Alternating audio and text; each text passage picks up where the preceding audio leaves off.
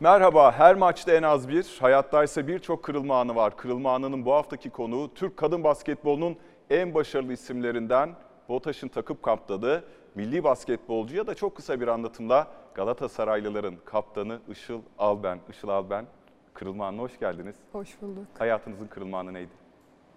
Bilinen mi bilinmeyen mi? Bilinmeyen. Bilinmeyen. Ee, 2012 senesiydi. Sakatlıklardan çıkmıştım. Ee, istenen performansı da gösteremiyordum. Ee, sonrasında e, Galatasaray'dan ayrılıp yurt dışında oynamaya karar vermiştim.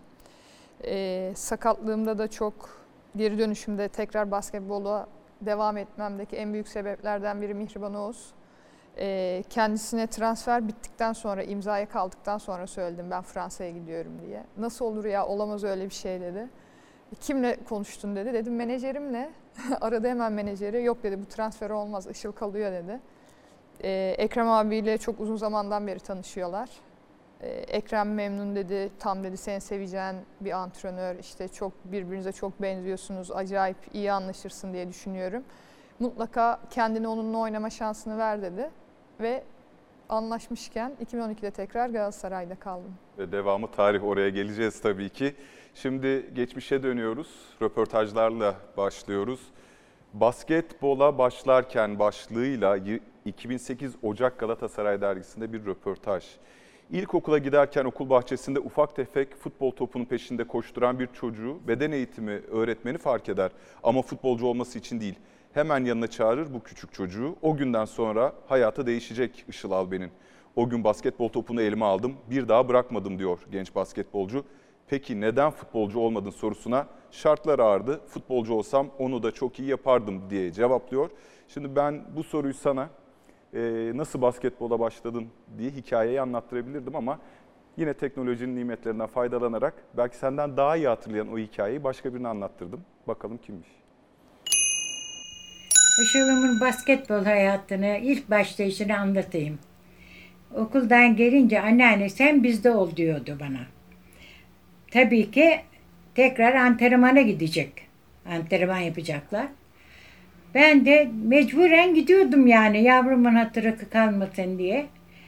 Geliyordu okuldan e, antrenmana gidecek. Annesi katiyen izin vermiyordu. Ben gidiyordum yatak odasına, Işıl'ın yatak odasına, alıyordum gizli gizli havlularını, giysilerini, koyuyordum çantayı koltuğumun altına, mantoyu giyiyorduk. Hadi biz kaçıyorduk. Annesinden gizli. Gidiyorduk orada. Antrenman yapıyorlardı. Hatta Necmettin Bey öğretmeni Işıl anneannen mi babaannen mi diye sormuştu. Neyse eve geliyorduk. Çok terliyordu. Havluları orada hemen gizli mantomun içinde saklıyordum onu. Arkasına güzelce yerleştiriyordum. Allah'a şükür eve geliyorduk hasta falan olmadan. Ama annesi hiç razı değildi. Basket fotosu vardı evde. Babasına aldırmıştı oyuncak olarak da. Başlıyorduk evde antrenman yapmaya. Ondan sonra Yavrum benim çok azimliydi, çok meraklıydı basketbolcu olmaya. Gayet de güzel bir basketbolcu oldu benim yavrum. Allah'a şükürler olsun. Başarılı, azimli, gayet güzel bir basketbolcu oldu yavrum benim. Biz de ailece gurur duyuyoruz. Ama yani Işıl'ın en şeyi benim, antrenörü benim Işıl'ın. Gayet güzel yavruma. Allah inşallah sağlıklı, sıhhatle ömür boyu devam etsin yavrum benim. Çok değerli anneanneniz Feride Hürer, 85 yaşında. O günleri sizden belki de daha iyi hatırlıyor. Şimdi Işıl Alben'in amacı basketbolcu ya da sporcu mu olmaktı yoksa Galatasaray'ın herhangi bir branşında bir sporcu mu olmaktı? Aslında futbolcu olmak istiyordum ben. Tabii ki e, futbol maçlarını, Galatasaray'ın futbol maçlarını çok yakından takip ettiğim için futbol oynamak istiyordum. E, sonra bir anda basketbol oynamaya başladım. E, anneannemin de söylediği gibi öyle pek bir amacım yoktu. O an spor yapmaktan keyif alıyordum. Annem hiç istemiyordu. E, çok ufak, cılız böyle sürekli hasta olan bir çocuktum. Yani basketbol o an her zaman yani zaten ilerleyen yaşlarımda da meslek olarak meslek olarak yaptığımın çok geç farkına vardım ben basketbolu. Hobi olarak keyif aldığım için oynuyordum. Ne zaman fark ettin meslek olarak yaptığını? 23 24 yaşlarımda. Yani çalışıyor musun? Mesela 20 yaşındayım. Profesyonel olarak basketbol oynuyorum. Galatasaray'a geldim daha sonra. Çalışıyor musun diye soruyorlardı. Hayır çalışmıyorum diyordum. Ne yapıyorsun? Basketbol oynuyorum. E, Nasıl anladın bunu bir meslek olduğunu? Yani bir yerde bir kendini kötü mü hissettin ya da antrenmana gidesin mi gelmedi? Bir sakatlık mı oldu? Çünkü büyük bir aşkla oynadığını anlıyorum burada. Yani sakatlıktan önce fark ettim çünkü soruyla çok sık karşılaşınca aa dedim benim mesleğim demek ki basketbol olmuş. o şekilde fark ettim. E, peki şimdi söyledin aslında Galatasaray'ın kadın futbol takımı olsaydı futbola devam edebilir miydin yoksa annen engeller miydi onu? Basketbol biraz daha salon spor olduğu için mi devam edebilir? Engellerlerdi diye düşünüyorum. Ama ister miydin İsterdim. futbolcu olmak? İsterdim. Kadın futbol takımı. Yani buradan da aslında Galatasaray, Fenerbahçe gibi Beşiktaş'ın var büyük kulüplerin kadın futbol takımını açmasını rica ediyoruz. Şimdi 16 yaşında İstanbul Üniversitesi altyapısındasın. 16 yaşında A takıma çıkıyorsun. Galatasaray'a gelene kadar arada bir, bir de BOTAŞ maceran var. Bir sene ve o sezon olağanüstü iyi geçiyor. Sezonun en değerli oyuncusu seçiliyorsun. Ee, 8 senelik bir periyot var Galatasaray'a gelene kadar. Ee, o aralar neler yaptın Galatasaray'ın dikkatini çekmek için? Ben Galatasaray'a gelmeyi hep istiyordum. Galatasaray beni istemiyordu. Zaten ilk tekliflerinde hemen geldim. Ee, çok çalışıyordum. BOTAŞ'a gitme amaçlarımdan bir tanesi de BOTAŞ gerçekten çok iyi bir altyapı kulübüydü. Ee, Türk basketboluna çok önemli oyuncular kazandıran bir kulüp. Ee, o yüzden ilk transferimde e, BOTAŞ'a gittim. BOTAŞ'tan da Galatasaray yine beni istememişti. BOTAŞ'ta iyi bir sezon geçirmeme rağmen. Ee, BOTAŞ şampiyonluk hedefi yoktu o sene. Ee, git dediler bana. Kalmanı çok isteriz ama e, senin hedeflerin çok büyük.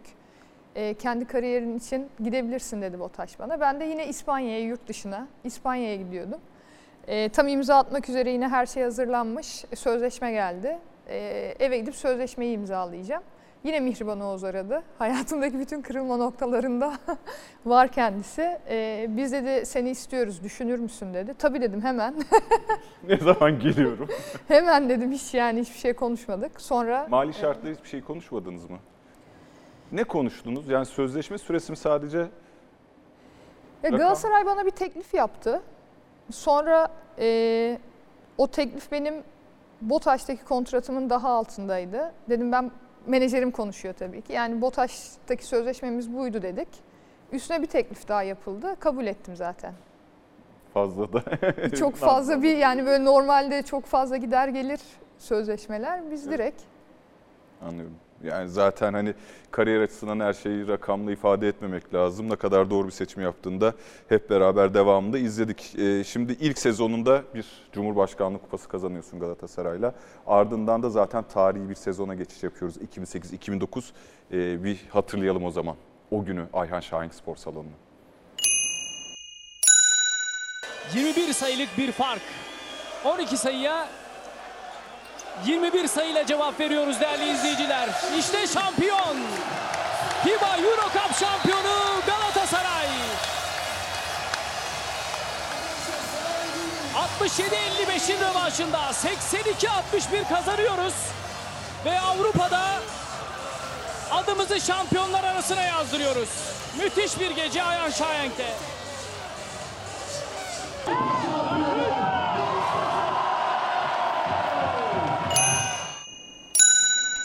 Bu kupa çok önemli. Bunun daha büyüğü Türkiye'ye geldi. Siz getirdiniz. Bu kupa Euro Cup. Kadınlarda iki numaralı kupa ama bu kupa kadın basketbolunda Türkiye'ye gelen ilk kupa.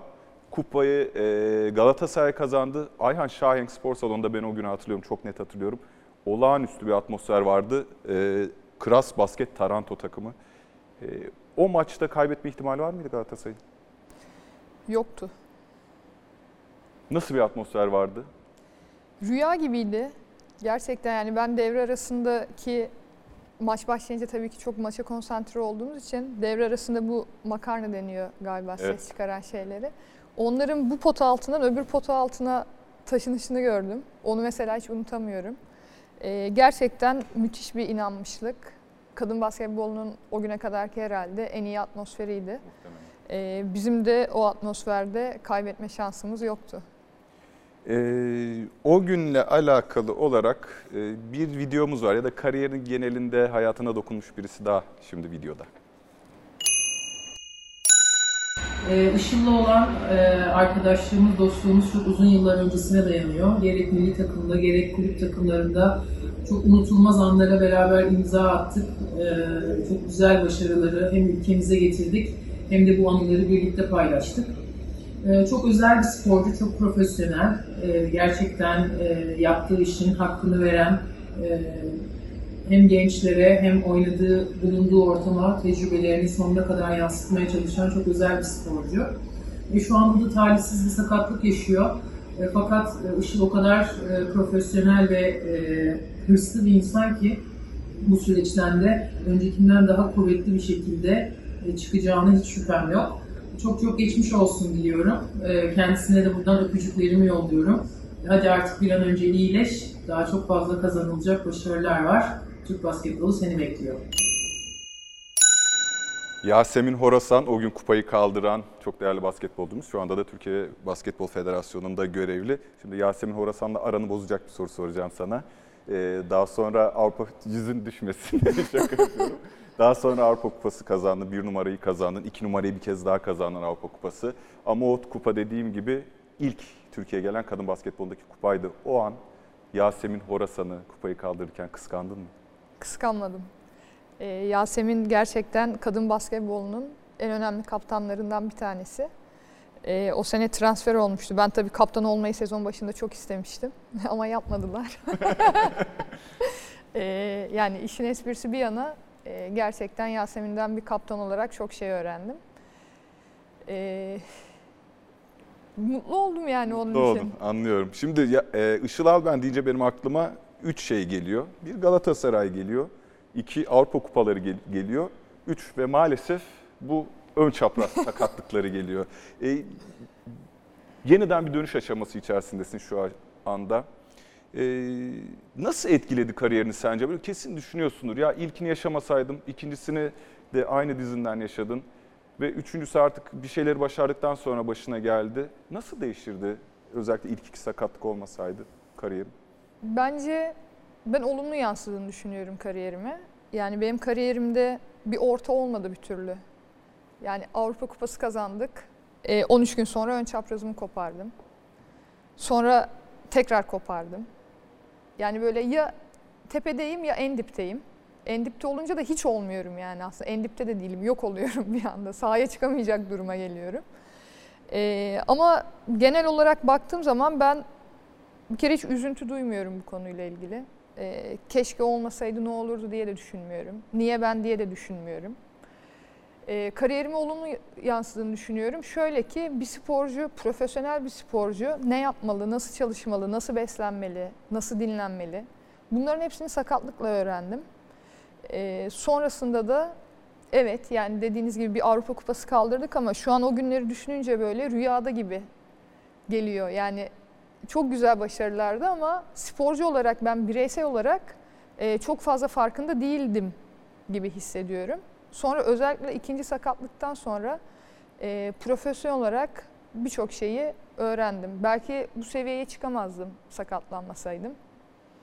35 yaşından sonra bu sakatlığı geçiren birç- birçok oyuncu ki benim de arkadaşım var hatta bu kadar ağır geçirmemiş olmasına rağmen diz sakatlığı değildi ama ya bu yaştan sonra artık dönmekle uğraşamam deyip bırakan.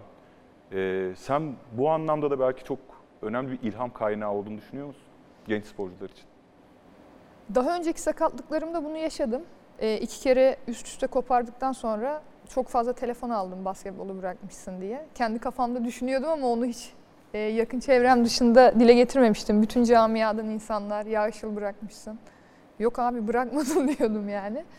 E, iyi ki bırakmamışım diyorum çünkü e, gençlere mesela bir ön çapraz sakatlığı yaşadığı zaman iki kere koparan da oluyor. En basiti bizim e, gençlerden Meltem iki kere kopardı. Yani onun karşısına geçip bak kızım kopuyor ama oynayabiliyorsun demek gerçekten benim için e, müthiş bir duygu. O yüzden o yaşadığım zor günlerin birine ilham kaynağı olduğunu görmek beni çok mutlu ediyor. Ee, şimdi de bir ameliyatın ikinci günü dedim. Ya niye ameliyat oldum ya acaba bıraksa mıydım dedim. Çünkü ikinci gün gerçekten müthiş e, ağrılı ve zor geçiyor ama onun dışında hiç acaba bıraksam mı diye bir şey hiç düşünmedim. Çünkü mutlaka olacak yani spor yapıyoruz. Nasıl maç kazanıp kaybediyorsak, kupa kazanıyorsak bu ön çapraz ya da yaşanan bütün sakatlıklarda bu işin bir parçası. Ee, inşallah hiç kimsenin kopmaz. Ama 35 yaşında koparan bir sporcu olduğunda da ona telefon açıp şu an daha şanslısın çünkü tecrübelisin, senin ne beklediğini biliyorsun demek için sabırsızlanıyorum. Kimsenin başına gelmez. umuyorum. İnşallah gelmez. Ee, 13 Nisan 2014'e dönmek ister misin? Dönelim. Mutlaka. 13 Nisan 2014'e dönelim. Ee, Türk spor tarihinin en önemli anlarından birine.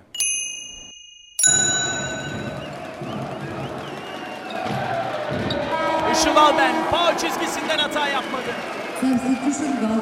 Galatasaray. Onu yapan tarihinde ilk kez Euroleague şampiyonu oluyor. Türk derbisi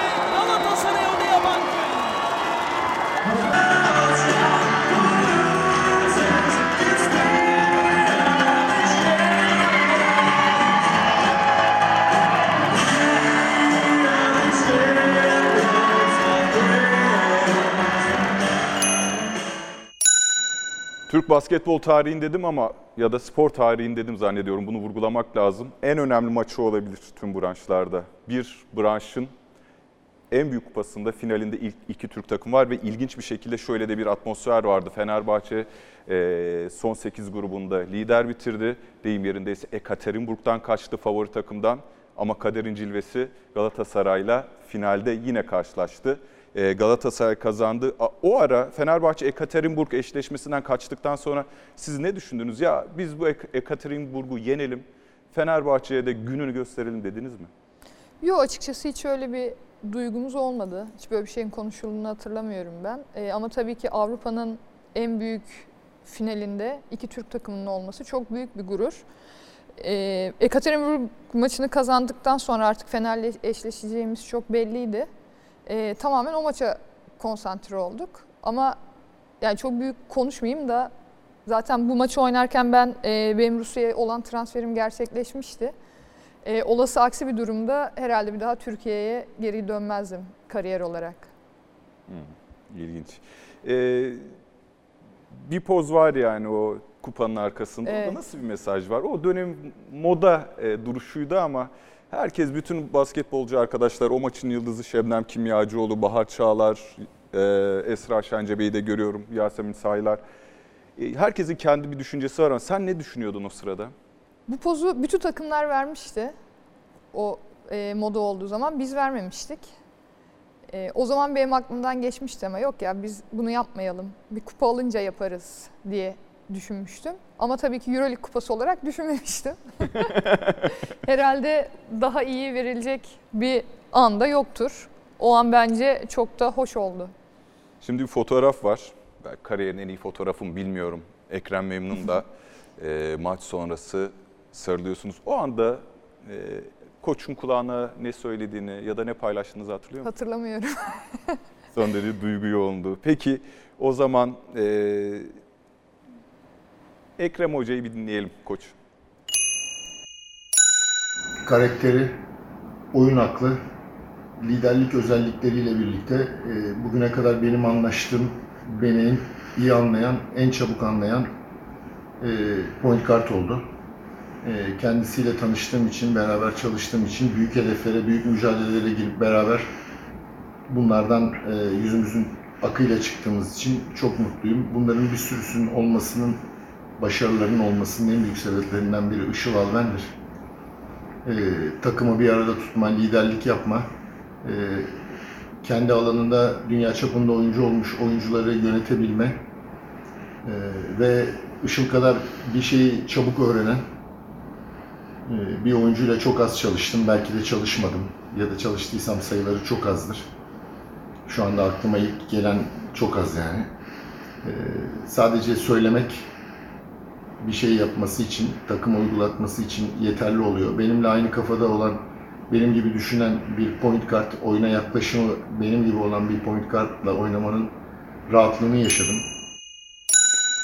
Diyor ki uluslararası oyuncuları bile çok iyi yönetiyor diyor. Kimi yönetmekte zorlandı saha içerisinde kaptan olarak? Zor soru. Vicky McCullough. Geçen iki sezonda takım arkadaşımdı. Öyle mi? Evet. En çok e, ne zorluyor seni? Yani e, oyuncunun vurduğunda durmazlığı mı, tembelliği mi, saha dışındaki hayatını kontrol etme ya da takıma konsantre etme sorunu mu? Disiplinsizlik en çok beni zorlayan. Ha, takım için aynı sayfada bulunmamak. Evet. Ekrem Memnun sana kupalar dışında ne kazandırdı? Basketbol.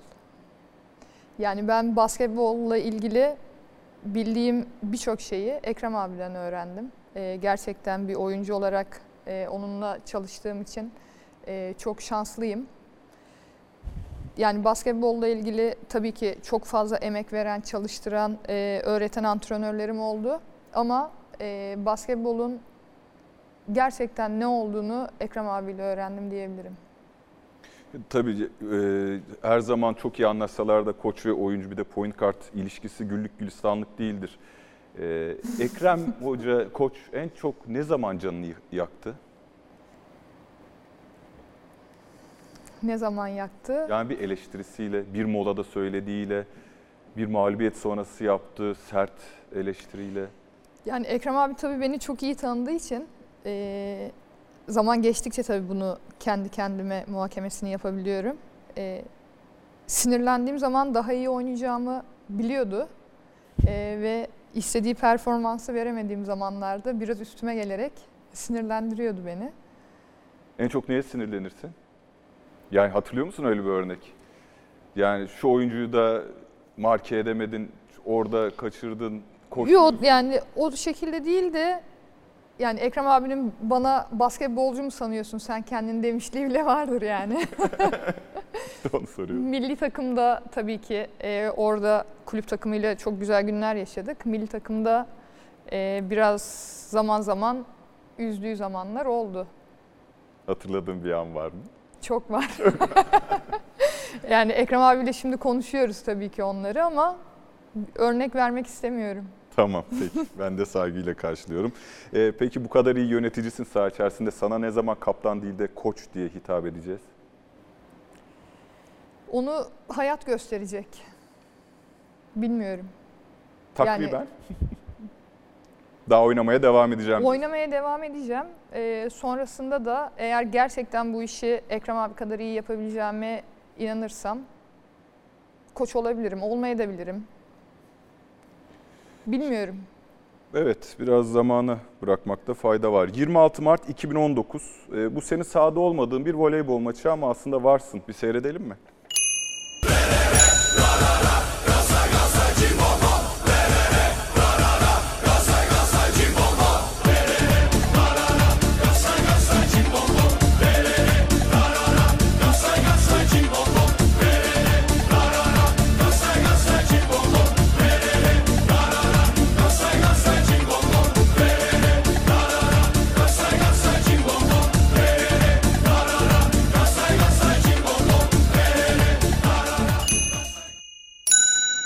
Galatasaray Spor Kulübü'nün tarihte kazandığı aslında tümü de değil e, Avrupa kupalarından Süper Kupa yok mesela orada futbol takımını kazanmış olduğu. E, zannediyorum Galatasaray tarihinde kazandığı şampiyonluk sayısından ziyade ulusal Avrupa Kupası sahibi tek oyuncu olabilirsin. E, bu Galatasaray'ın Avrupa motivasyonunu neye bağlıyorsun sen? Ee, gerçekten Avrupa kültürü olan bir takım. Ben de şu an taraftarıyım. Ee, yani bir kazanma alışkanlığımız olmasına bağlıyorum. Ee, kazanma alışkanlığı deyince Türkiye Ligi'nde de bir şampiyonluğum var. Üç Avrupa Kupam var, bir lig şampiyonluğum var. Bunu neye bağlıyorsun? Bunu bunu ben de düşünüyorum aslında ara sıra. Ee, çok fazla sebep aramıyorum ama yani 20 Türkiye Ligi şampiyonluğu hiç Avrupa Kupası kazanamamış olmak mı? 3 Avrupa Kupası mı? Hiç yani 3 Avrupa Kupası'nı gözüm kapalı düşünmeden seçerim. Peki o 3 Avrupa Kupası'na Galatasaray Spor Kulübü'nün sizin kazandığınız kupalara özellikle birisi çok büyük bir kupa yeterli değeri verdiğini hissediyor musun? Mesela 17 Mayıs 2000'in her seneyi devriyesinde ben biliyorum ki Florya'da en azından bir yemek veriliyor. Bir barbekü partisi düzenleniyor ama biraz önce görüntülerini göstermiş olduğumuz 2014'teki 14 Nisan 2014'teki kupanın seneyi devriyesinde senin sosyal medya paylaşımlarının dışında çok fazla bir etkisi olmuyor. Maalesef Kamuoyunda. evet. Bunu neye bağlıyorsun?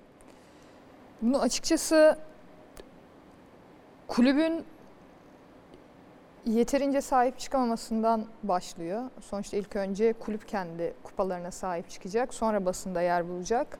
Ee, maalesef kulüp bile kutlamadan geçtiği seneler oldu geçmişte. Ee, o yüzden bence iş kulüpten Canını yakıyor başlıyor. mu senin? Ya canımı yakıyor mu?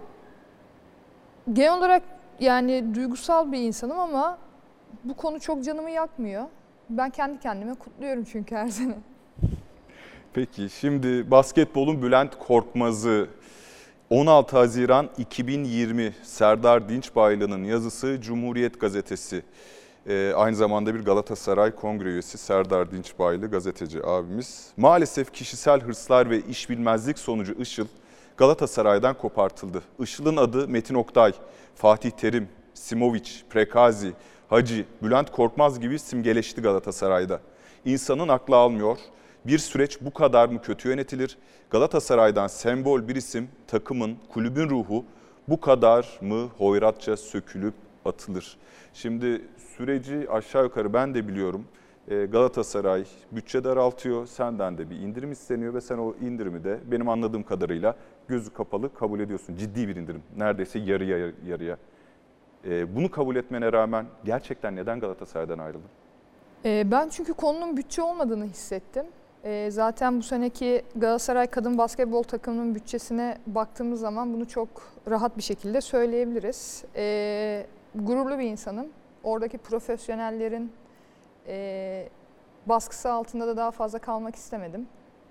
O yüzden hem kendim için hem de Galatasaray kadın basketbolu için e, ayrılmamın daha iyi olacağına inandım. Şu isimleri bir daha okuyayım. Metin Oktay, Fatih Terim, Bülent Korkmaz. Ee, burada yani Hacı, Prekazi'yi de, e, Simovic'i de yazmış Serdar Dinçbaylı. Şimdi e, şu anda başka takımda oynamayı nasıl kendine sindiriyorsun? Adım bu isimlerle birlikte anılırken. Yani bu dediğim gibi tamamen benim kararım olmadığı için benim gönlüm de çok rahat, içim de çok rahat. Yani ben çok direndim. Bir önceki sözleşmemde de kulüpte kalmak için çok direnmiştim. Ee, sonrasında sezon içinde de çok hoş olmayan şeylerle karşılaştım. Ee, sonuçta her Galatasaraylı'nın bir gururu vardır. Ee, gururuma dokunan şeyler yapıldığı ortamda daha fazla kalamazdım. Bazen Galatasaraylı Işıl kimliğinin e, çok ön plana çıktığını düşünüyor musun? Düşünüyorum, pişman mıyım? Değilim. Kariyerimin başında olsam nasıl bir yol izlerdim? Onu da düşünüyorum.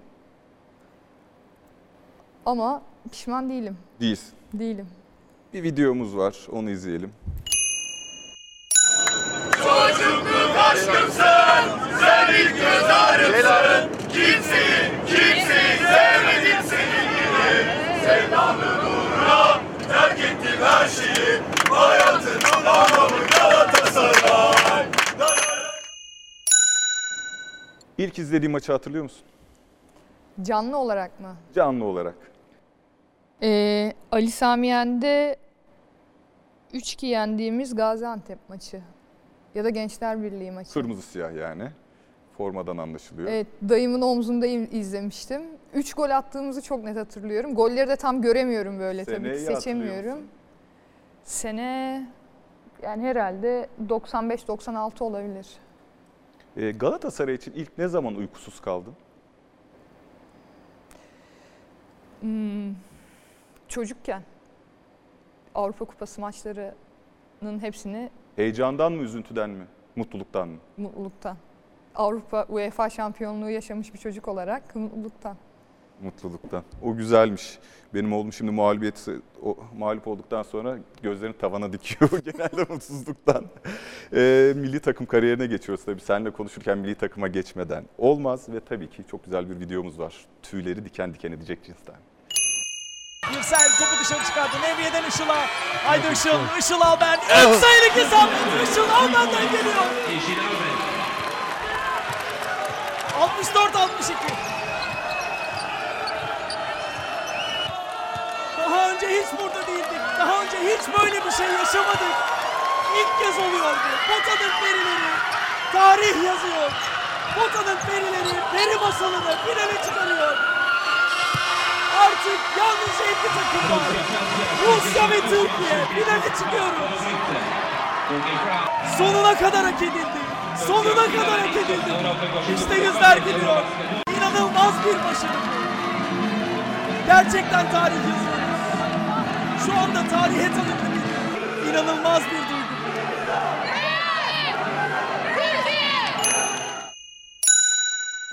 Çok çok özel bir maç, çok çok özel bir e, anlatım İsmail Şenol. Çok çok önemli bir kadro. Yani orada bulunan isimler e, çok önemli isimler. Türk kadın basketbol tarihinin en önemli kadrolarından biri. Daha iyisi umarım gelir.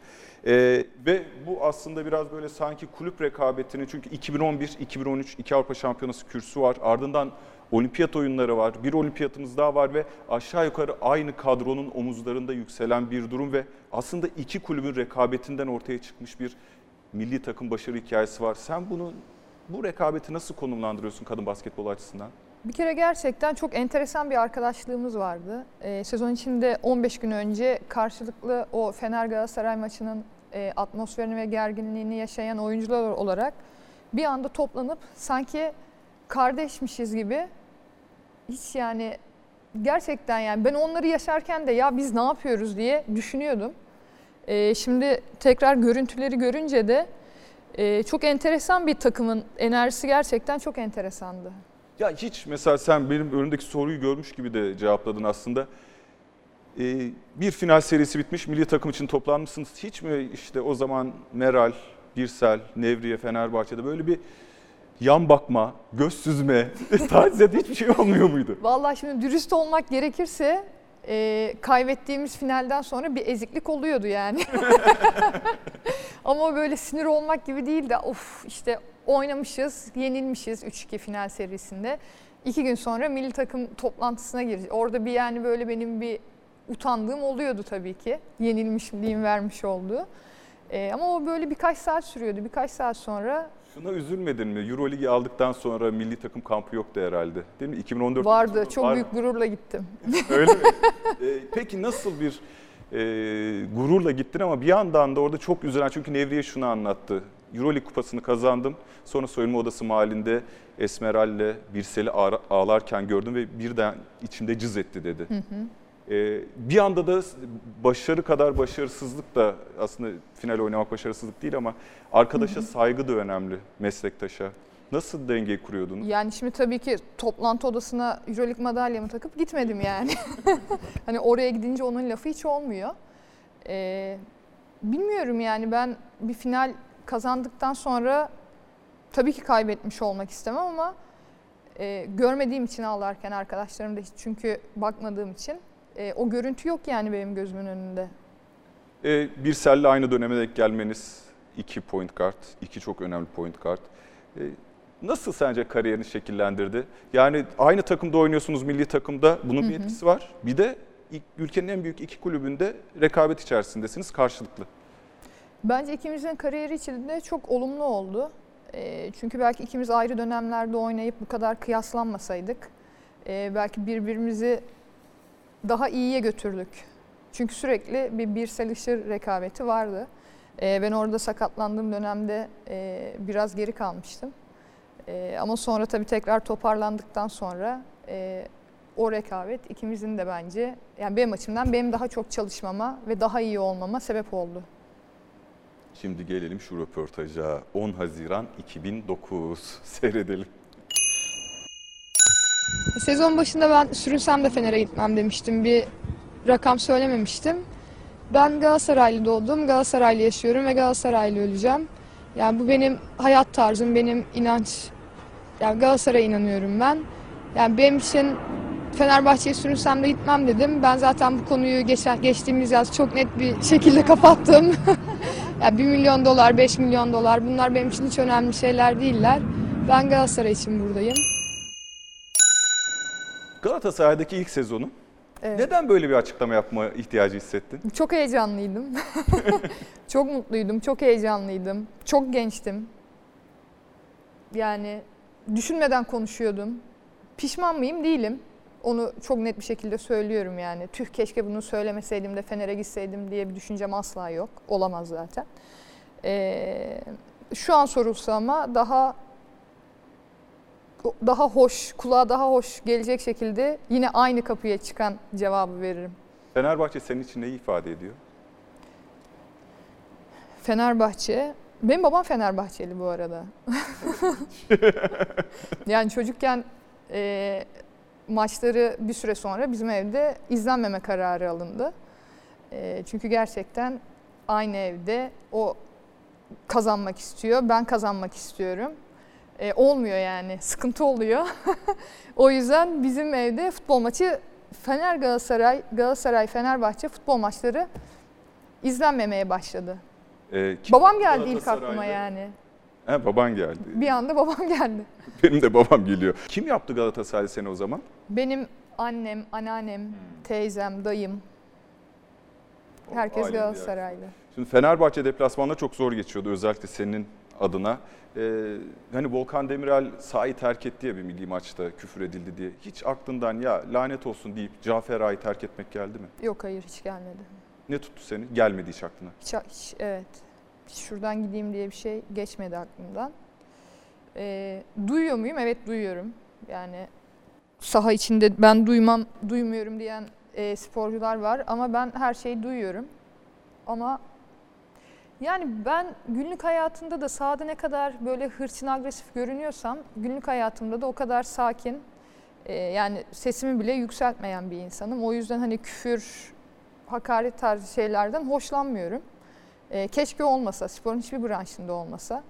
E, ben de belki bu gençlik yıllarımda verdiğim şu röportajda biraz insanların o takım, tutkulu takım tutma duygularına biraz dokunmuş olabilirim.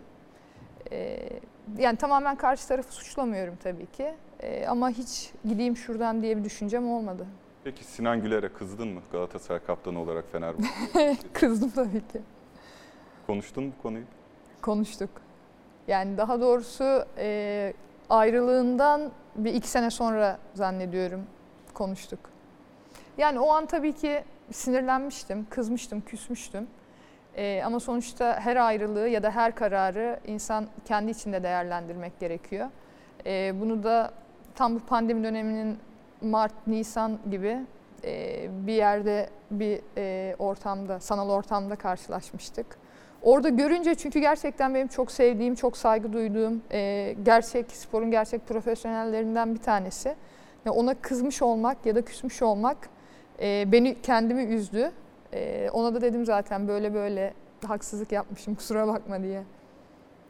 Affettin yani. O beni affetti. o seni affetti. Ee, bu konuyla ilgili son sorum. Sürünsen Beşiktaş'a gider misin? Fener'e gitmiyorsun onu anladım. of. yani böyle bir soruyu niye sorduk şimdi ya? tamam geçelim. Tamam peki. Ee, zaman zaman zor sorular soruyoruz. Sosyal medya paylaşımlarına geçiyoruz. Işıl Alben'le alakalı. Brezilya maçını, tabii maça değinmeden olmazdı Brezilya maçıyla ilgili e, bir sosyal medya paylaşımı aldım. Brezilya maçını şimdi izliyorum ve özellikle sonucuna bakmıyorum. Son 57 saniye ve ben hayranlıkla bu kadını izliyor, evde alkış kıyamet tezahürat yapıyorum. İstatistiği şu şekilde değiştirilmeli. Ayrıca 18 sayı, 9 rebound, 8 top, top çalma, ev sahibi takıma karşı bir maç alma. 14 Ağustos 2016'da atılmış bir sosyal medya paylaşımı. Ee, bu performansı yanlış hatırlamıyorsam sen maçın ikinci yarısında ve uzatmalarında sahaya yansıttın. Devre arasında ne oldu? Yani çok zor sorular soruyorsunuz bana gerçekten. Burada e, yakın arkadaşlarıma da sevgilerimi gönderiyorum. Maçın ilk yarısında Ekrem abi beni çıkarttı oyundan. Ondan sonra böyle bir 4-5 dakika ilk periyot oynatmadı. Sonra döndü oynayacak mısın dedi. Ben de, oynayacağım Ekrem abi dedim. Yok bir şey oynamıyorsun da yani dedi. Sakat mısın dedi. Ekrem abi iyiyim yani Ekrem abiye çok fazla cevap da verilmez. Soru sorunca cevap istiyor mu istemiyor mu onu bir tartmak gerekiyor. Ondan sonra ben de şey deme gafletinde bulundum. Abi sen çıkarttın beni ben hani sakatım diye çıkmadım deme gafletinde bulundum maalesef. Ee, ondan sonra sonra devre arası oldu. Güzel bir fırça yedim soyunma odasında. Ee, biraz önce anlattım tarzda sen basketbolcu musun? Ondan sonra tarzında fırçalar yedim. Ee, sonra ikinci devre tabii ki mağlup Türk devrede de. Ee, sonra Ekrem abi için oynadım. Ve böyle bir performans ortaya çıktı. Ee, bu maçta bir pozisyon var onu da izleyelim. Ee, akıştık. Ufak bir sapma yaşadık ama maçın en önemli pozisyonu belki de. Bir Işıl Alben klasiği. Top çalmalarından birisi. Ee, burada o fırçanın işe yaradığını görüyoruz ekran memnundan. Evet devam edelim. Sakatlığıyla Fenerbahçelileri de üzen sporcu. Belki sakatlanmasaydı dünkü maçı alamayacaktı ve belki finalde de finale de kalamayacaktık ama keşke sakatlanmasaydı. Hepimizin dediği gibi o forma kutsaldır, nasip olmaz herkese. O formanın hangi forma olduğundan bağımsız formanın da hakkını veren sporcular da herkese nasip olmuyor. Bu yüzden tüm renklerden de saygıyı, sevgiyi hak ediyor kendisi. Geçmiş olsun. Bir dahaki derbide sahada olsun 28 Nisan 2009. Ya bir Fenerbahçeliyle çok aslında Fenerbahçe Fenerbahçe sormak istemiyorum ama bir yandan da sen de takdir edersin ki kariyerin bu rekabet etrafında da şekillendir, şekillendi. Biraz da sen konumlandırdın. Ee, bir Fenerbahçeliyle salon dışında yaşadığın en şaşırtıcı diyalog neydi? En şaşırtıcı diyalog. Yani açıkçası salon dışında e, herhangi bir rakip taraftarından e, bir tepki almadım bugüne kadar. E, aksine yani hala da yaşıyorum onu. Fenerbahçeliyim ama seni çok seviyorum. Fenerbahçeliyim ama iyi ki varsın gibi cümlelerle çok sık karşılaşıyorum. Çok güzel. Nereye gidiyorsun Işıl? Yemin ediyorum kafayı sıyıracağım. Alba Ekaterinburg, Ekaterinburg'a gidiyor bari. Dinamo Kursk nedir Allah sen demiş birisi. Spartak Videone'ye git, USK Prag'a git, gıkım çıkmaz da Dinamo Kursk niye, neden? 10 Mayıs 2014. Ee, Kursk maceran da çok kolay geçmedi. Ee, neden Kursk'u tercih ettin? Aslında o da çok enteresan. E, Kursk bana teklif yaptığında Euro Cup oynuyordu. E, ben de Galatasaray'a rakip olmak istemediğim için Galatasaray Euroleague oynayacaktı. E, gelen teklifler arasından Kursk'u tercih ettim. Euroleague oynadık ve tabii ki Galatasaray'la eşleştik. Kursk Galatasaray Evet, biliyorum. eşleşmesi oldu. E, o şekilde Kursk'a gittim. E, Kursk da zaten dönemin çok iyi takımlarından bir tanesi. E, o sene biz Euroleague'de Final Four yaptık. Avrupa üçüncüsü olduk. Bir sonraki sene zaten Euroleague şampiyonu oldular. E, belki kalsaydım kariyerimde bir Euroleague şampiyonluğu daha olacaktı. Dönmeyi tercih ettin. Dönmeyi ter, belki de kalmam gerekiyormuş Hangi diye motivasyonla dönmeyi tercih ettin? Galatasaray'ı mı özledin? Öyle mi özetleyebiliriz? Yani ben kulüp gönderdiği için gitmiştim zaten. Bana gidebilirsin demişlerdi. Ee, kadın basketbolunda ciddi bir altyapıyla oynayacağız denmişti. Altyapı oyuncularıyla. Ee, git dediler, gittim. Gel dediler, geldim. Gel dediklerinde kalsaydım diye düşünüyorum zaman zaman. Saçlarının popülaritesinde bir etken olduğunu düşündüğüm basketbolcu yoksa hiçbir meziyeti yokken bu kadar tutulmasının başka nedeni olamaz. Saçlarını sempati kazandığını düşünüyor musun? Ee, o niyetle yapmadım tabii ki. yani çok 17-18 yaşımdan beri saçım böyle. Ee, ama akılda kalıcı olduğunu düşünüyorum. Akılda kalıcı olduğunu. Bir avantajı oldu mu sana bu durum? O dezavantajı oluyor. Öyle mi? Evet. Ne gibi bir deza- dezavantajı var? Ee, yani mesela bir yere gittiğim zaman zaten çok sosyal bir insan değilim ama bir yere gittiğim zaman mutlaka birileri tanıyor.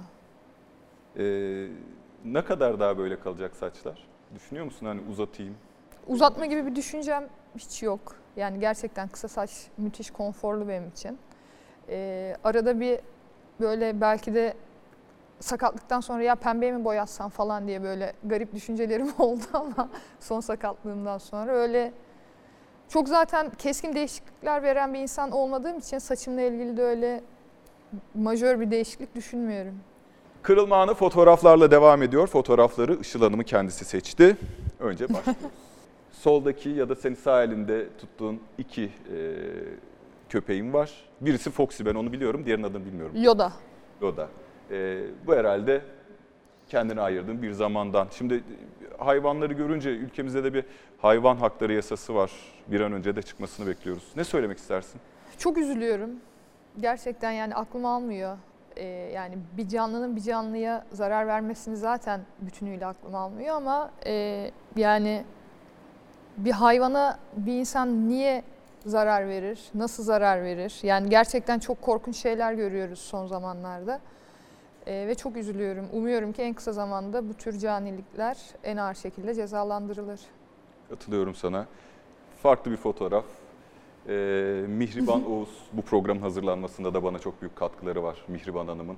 Ee, hani bir ekip vardır ya insanların hayatında. Bu ekip benle birlikte olsun, bana hiçbir şey olmaz denilen ekip. O ekip bu ekip mi? Bu ekip. Ne, ne yapmayı seviyorsunuz en çok? Yani çok sık buluşabilen isimleri de ben de biliyorum ama işte Semih Kaya milli futbolcumuz, şimdi Yeni Malatya Spor'da Yasemin Orasan, Yasemen Kayalar, ee, Semih'in değerli eşi ve sen. Yani hepimizin çok ayrı hayatları var ve gerçekten çok az bir araya gelebiliyoruz. Ee, Yasemen ve Semih zaten 3 sene e, Prag'da yurt dışında yaşadılar. Ee, Yasemin şu anda milli takım menajerliği yapıyor, çok yoğun. Ee, Mihriban Oğuz Olso ile ilgileniyor. Bizim e, Olso ve Kutup Evet. Yıldızı diye spor kulübümüz var. Ee, genelde vaktinin çoğunu orada harcıyor. Ee, çok fazla bir araya gelemiyoruz. O yüzden en keyif aldığımız oturup sohbet etmek, birbirimizi görmek oluyor. Şimdi fotoğraflarla devam edip e, değerli babanız Fenerbahçeli olduğunda öğrendik babanızın. Bir de video var, bağlantılı bir video.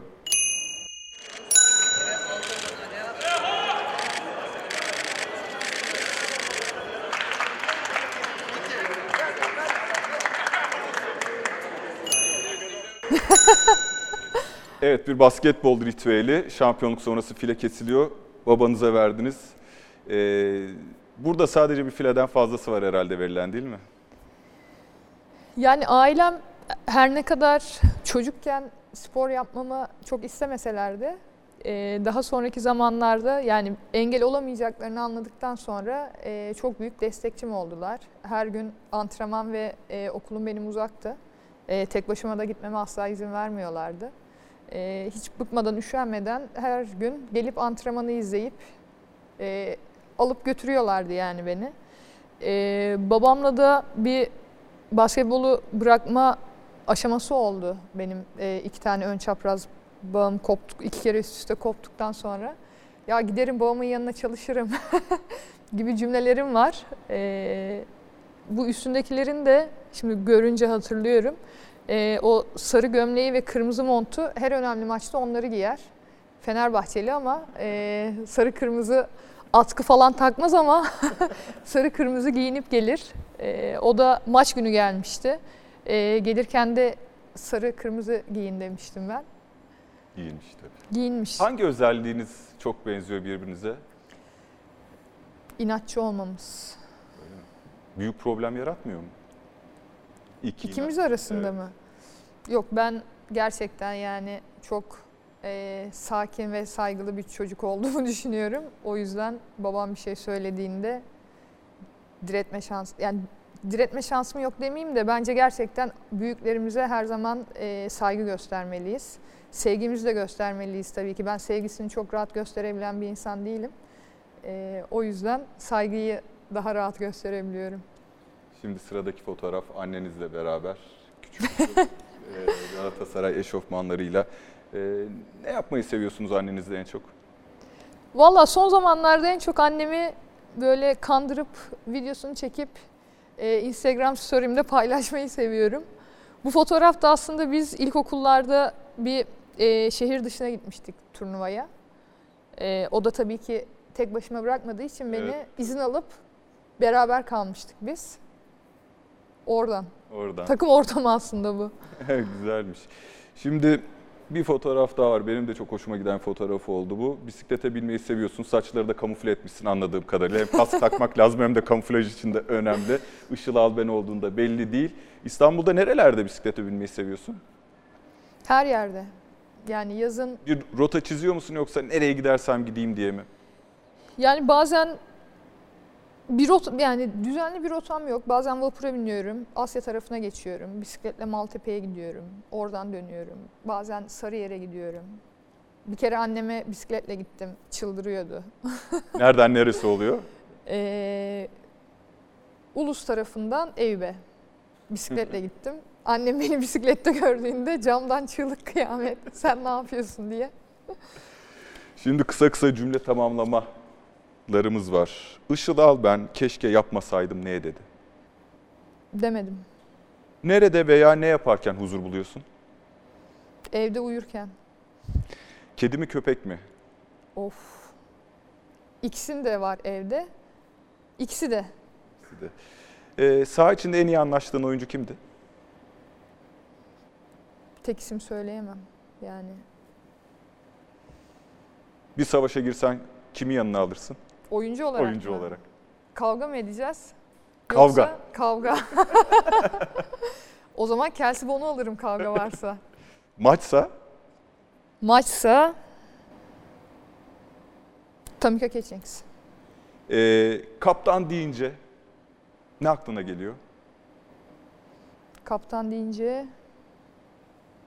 sorumluluk, Işıl Alben'i ne tarif eder? Adalet, Güzel. Son topu savunmak mı? Son topta hücum yapmak mı? savunmak. Seni en çok ne güldürür? Yoda, Ne sinirlendirir? yalan söylenmesi. En büyük hayal kırıklığı? En büyük hayal kırıklığım. İlk sakatlığım. En büyük hayalim? Erkek Euroleague antrenörü olmak. En son ne zaman ve niçin ağladın? En son çok sık ağlayan biri değilim. En son ameliyatımın 5. günüydü galiba. Gerçekten yani böyle evden herkesi gönderip yani böyle ufak bir cinnet geçirdim kendi kendime. Ee, ameliyattan sonra ağladım. Güzel ağladım ama tek başıma. Ferahladın. Oh çok iyiydi. Işıl Alben kırılma anına iyi ki de geldin. Çok teşekkürler. Kırılma anının sonuna geldik. Hoşçakalın.